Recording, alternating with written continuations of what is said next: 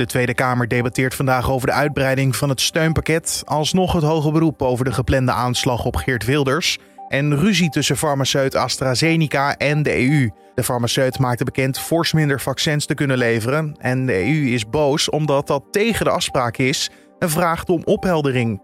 Hadden we deze tegenslag kunnen zien aankomen?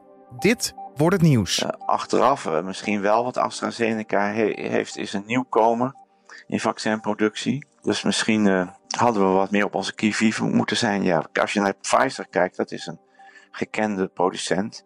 Die alles, die enorm veel ervaring heeft met productie. En daar zie je dat die problemen zich niet voordoen. Ben van der Zijs is dat. Hij is voormalig hoofd vaccins van het RIVM. En straks praten we verder met hem over deze kwestie. Maar eerst kijken we kort naar het belangrijkste nieuws van nu.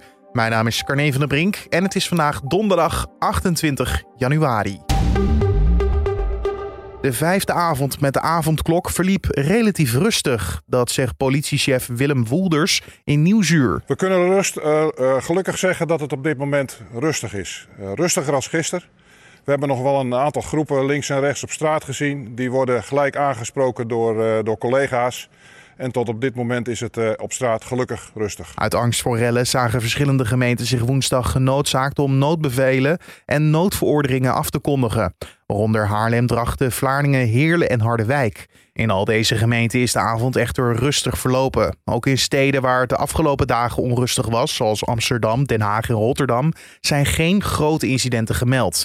Volgens politiechef Woelders heeft de relatieve rust te maken met een combinatie van factoren. Zo was er veel politie op de been en kon de politie preventief ingrijpen. Bijvoorbeeld door mensen die opruiende berichten hebben verspreid op te pakken. We zien op sociale media nog steeds heel veel berichten, ook door het hele land heen. En we acteren daarop. Enerzijds om te onderkennen waar iets gebeurt. Maar ik kan u melden dat wij vandaag al een man of twintig hebben aangehouden. die vanuit huis deze opruiming deden. En die zijn door ons opgehaald en die zitten nu in een politiebureau. En ik denk dat dat ook helpt. Artis moet noodgedwongen afscheid nemen van zijn drie leeuwen. Dat zegt de directeur van Artis vandaag in de Telegraaf. Vanwege de coronacrisis heeft de dierentuin geen geld om een nieuw leeuwverblijf te bouwen. En dus zullen ze half februari verhuizen naar een park in Zuid-Frankrijk. De directeur noemt dit een superpijnlijke beslissing en hij maakt zich zorgen om de financiële toestand van het park. De 4 miljoen euro die een nieuw onderkomen voor de dieren moet kosten, kan het park nu niet betalen. Wellicht over drie of vijf jaar. Als gevolg van de coronacrisis leidt de Amsterdamse dierentuin een miljoenenverlies. Eerder kondigde Artis al aan noodgedwongen 20 tot 40 banen te schrappen. In het Rotterdamse pretpark Plaswijk Park is woensdagavond een brand uitgebroken in een theater. Het gebouw was niet meer te redden en mogelijk was er sprake van brandstichting. De brand brak in de loop van de avond uit en door het rieten dak van het gebouw greep het vuur snel om zich heen. Volgens de brandweer waren er zover bekend geen mensen in het gebouw. Op internet circuleert een filmpje waarin mogelijk sprake is van brandstichting. De politie onderzoekt deze beelden. Oeh! Wacht, wacht even. En daarnaast is er een doneeractie gestart voor het familiepark. Daar is gisteravond al meer dan 30.000 euro mee opgehaald. Kinderen bellen of chatten tijdens de tweede lockdown vaker met de kindertelefoon over emotionele problemen zoals eenzaamheid, depressie en zelfdoding dan tijdens de eerste lockdown. Ook blijft het aantal meldingen over huiselijk geweld stijgen. Dat meldt de kindertelefoon op basis van gevoerde chat- en telefoongesprekken.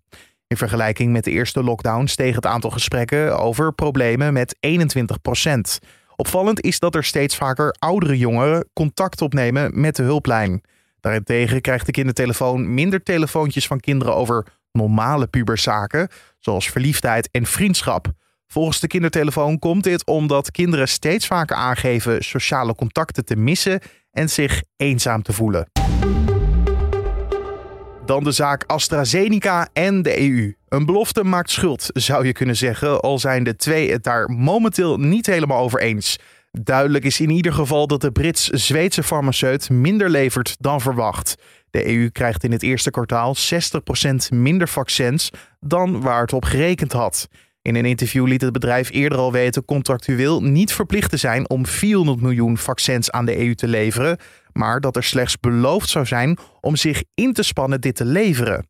Een spannend vraagstuk waar het laatste nog niet over is gezegd. In deze podcast hoor je collega Julien Dom in gesprek met emeritus hoogleraar en voormalig hoofd vaccins van het RIVM, Ben van der Zeist. Want konden we deze problemen zien aankomen? En wat zijn de gevolgen hiervan op korte termijn? Nou, we krijgen minder vaccins. En dat wil zeggen ook dat we trager uh, kunnen vaccineren. Er was een plan, zeg maar wat uh, over de inzet van die vaccins, doelgroepen, welke vaccins. En dat is nu vertraagd. Is er een oplossing wat u betreft voor korte termijn? Uh, ja, hoe, hoe, kunnen we hiermee omgaan? Wat kunnen we doen? We kunnen eigenlijk vrij weinig gaan doen. We kunnen hopen dat uh, de productieproblemen die er blijkbaar zijn in de Belgische fabriek waar het geproduceerd wordt, dat die worden opgelost. En de hoeveelheden de kwartalen daarna uh, zullen toenemen. Maar dat weten we dus niet zeker. Nou, wordt er ook gesproken over de tweede prik uitstellen. Dat wordt inmiddels ook gedaan. Uh, daar, ja, mijn vraag aan u, hoe zeker is dat dat dat gewoon veilig kan gebeuren? Om in ieder geval aan het aanvankelijk meer mensen in te kunnen enten? Nou, de, de, het vaccin moet dan worden goedgekeurd in Europa. Het is al goedgekeurd in Engeland. En daar wordt de tweede prik na twaalf weken gegeven. En daar zijn wel gegevens uh, voor die dat ondersteunen. Dus we zullen kijken wat de EMA gaat adviseren als het wordt goedgekeurd uh, vrijdag. Ik denk ook dat dat dan twaalf weken zou kunnen zijn. Je zou het verder uit kunnen stellen, maar dan heb je wel verder onderzoek voor nodig. Want wij hebben altijd gezegd, uh, er zijn geen bochten afgesneden. Dezelfde eisen worden aan dit vaccin gesteld als een andere vaccins.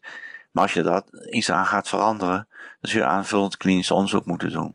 Ja, precies. Nog verder, verla nog verder verla verlaten dan 12 weken, dat zou bochten afsnijden zijn, zegt u. Ja, dat klopt. Dat, uh, er zijn nu geen gegevens over. Nee.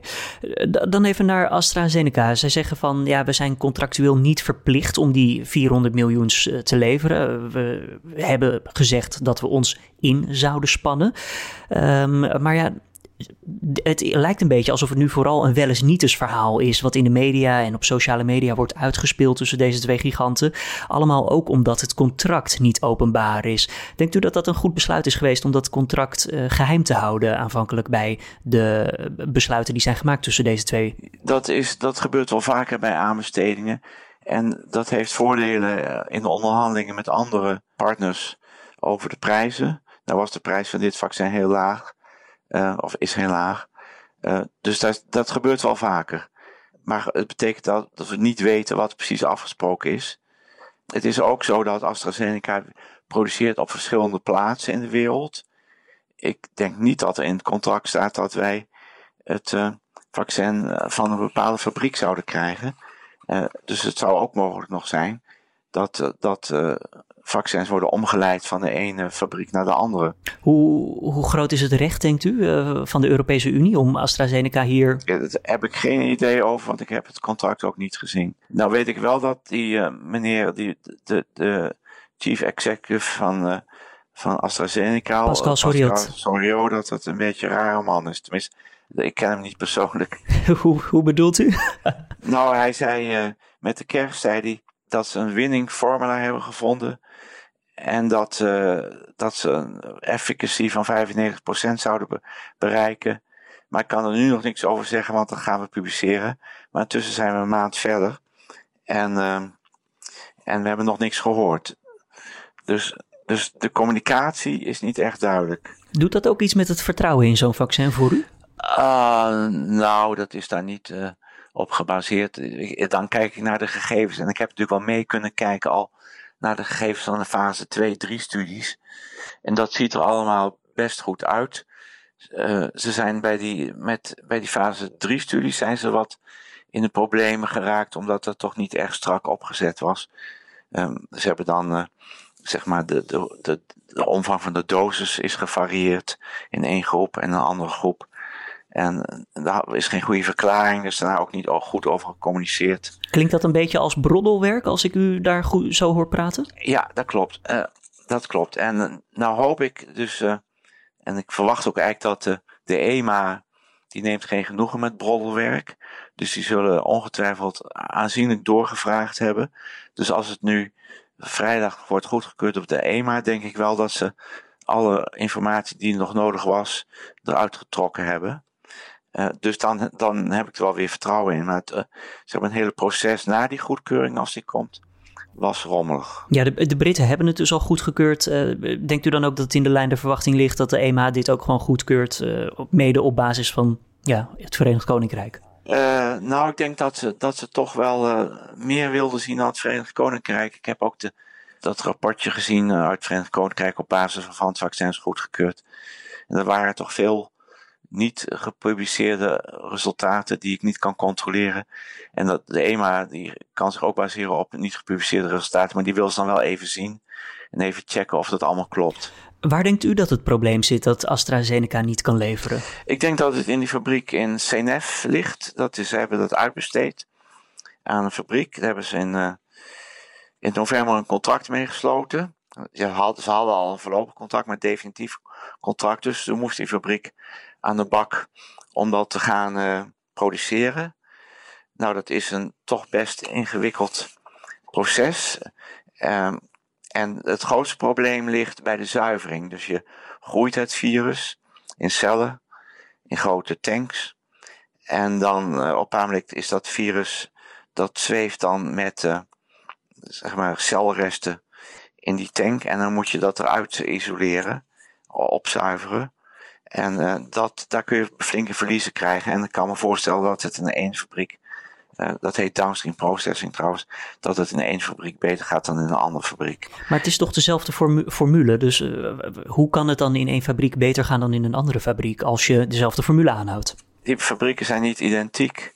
Dus de ene heeft een, zeg maar een roestvrij stalen vat van 2 bij 4 meter hoog en de andere heeft eentje van 2 bij 2, vierkant of rond. En dan heb je toch iets andere groeieigenschappen. En dat kan je allemaal wel goed uh, zeg maar beheersen, maar dat moet je toch eerst even uittesten. Dus die dingen worden meestal op kleine schaal eerst geoptimaliseerd, zeg maar 5 liter. En daarna moet het naar 100 en, en 5000 of 10.000 liter worden opgeschaald. En daar gaat tijd overheen om dat uh, fijn te tunen. Nou, die tijd was er nu niet. Uh, en dan, uh, dan heb je vaak een suboptimaal resultaat. Als u dit zo zegt, klinkt het eigenlijk best logisch. Dus uh, dan mijn volgende vraag: had de regering of misschien wel de EU hier rekening mee moeten houden met een tegenslag van deze grootte? Ja, ik, je vertrouwt eigenlijk op, de, op, op die fabrikant. achteraf misschien wel, wat AstraZeneca he heeft, is een nieuwkomer in vaccinproductie. Dus misschien hadden we wat meer op onze key moeten zijn. Ja, als je naar Pfizer kijkt, dat is een gekende producent. Die alles, die enorm veel ervaring heeft met productie.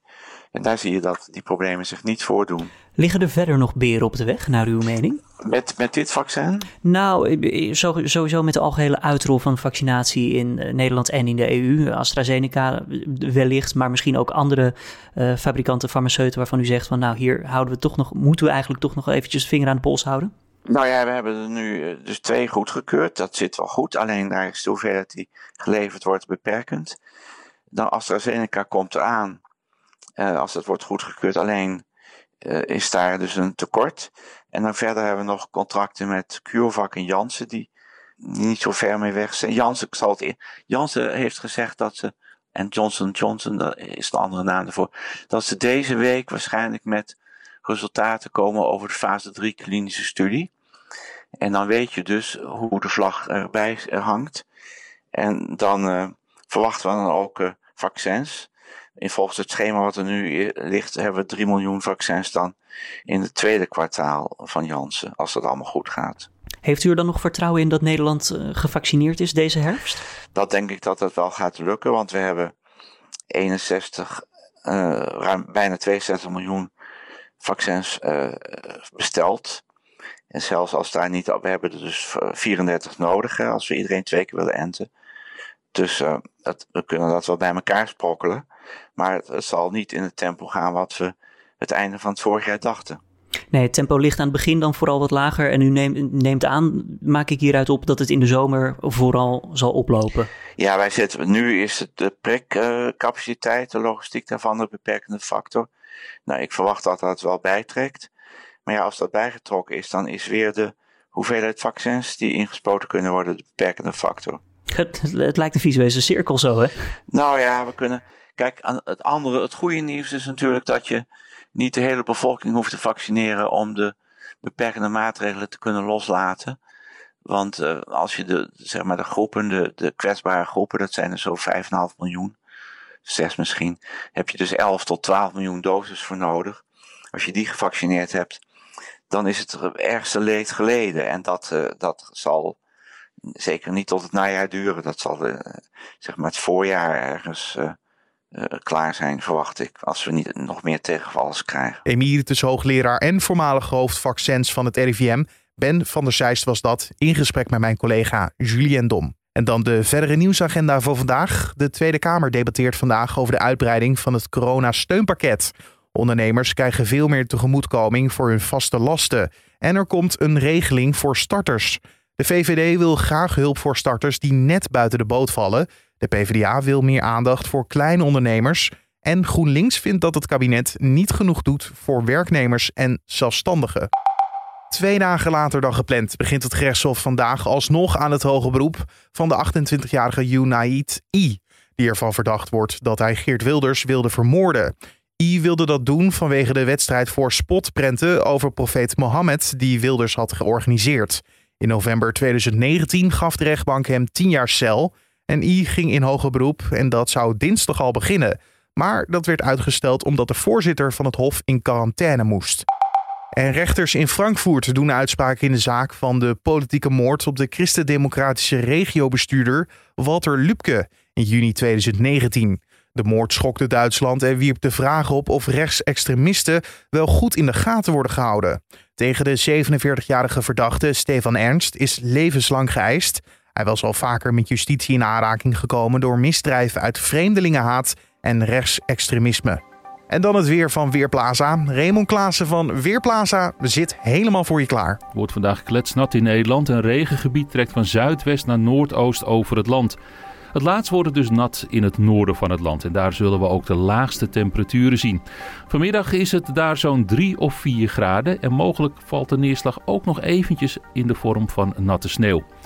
In het zuiden van het land kan de temperatuur een stuk verder oplopen. Daar is het vanmiddag zo 9 graden. De wind waait uit zuidelijke richtingen, is overwegend matig en in de loop van de middag wordt die wind meer zuidwestelijk. Dankjewel Raymond Klaassen van Weerplaza. En om af te sluiten nog even dit. De Amerikaanse senator Bernie Sanders heeft tot nu toe al 1,8 miljoen dollar, omgerekend zo'n 1,5 miljoen euro, opgehaald voor het goede doel. Dat heeft hij bereikt met de verkoop van producten met erop de veelgedeelde foto van hem tijdens de inauguratie van president Joe Biden. Op de inmiddels beroemde plaat is hij onderuitgezakt op een uitklapbare stoel te zien met gebreide wanten, een alledaagse grijze jas en een mondkapje. Met de opbrengst helpt Sanders verschillende stichtingen in zijn thuisstaat Vermont. En tot zover de Dit Wordt een Nieuws podcast voor deze donderdag 28 januari. Help ons de podcast beter te maken, simpel door een mailtje te sturen naar podcast.nu.nl. Zet erin wat je goed vindt aan de podcast, wat je minder vindt aan de podcast en hoe wij dat beter kunnen doen, maken of verzinnen.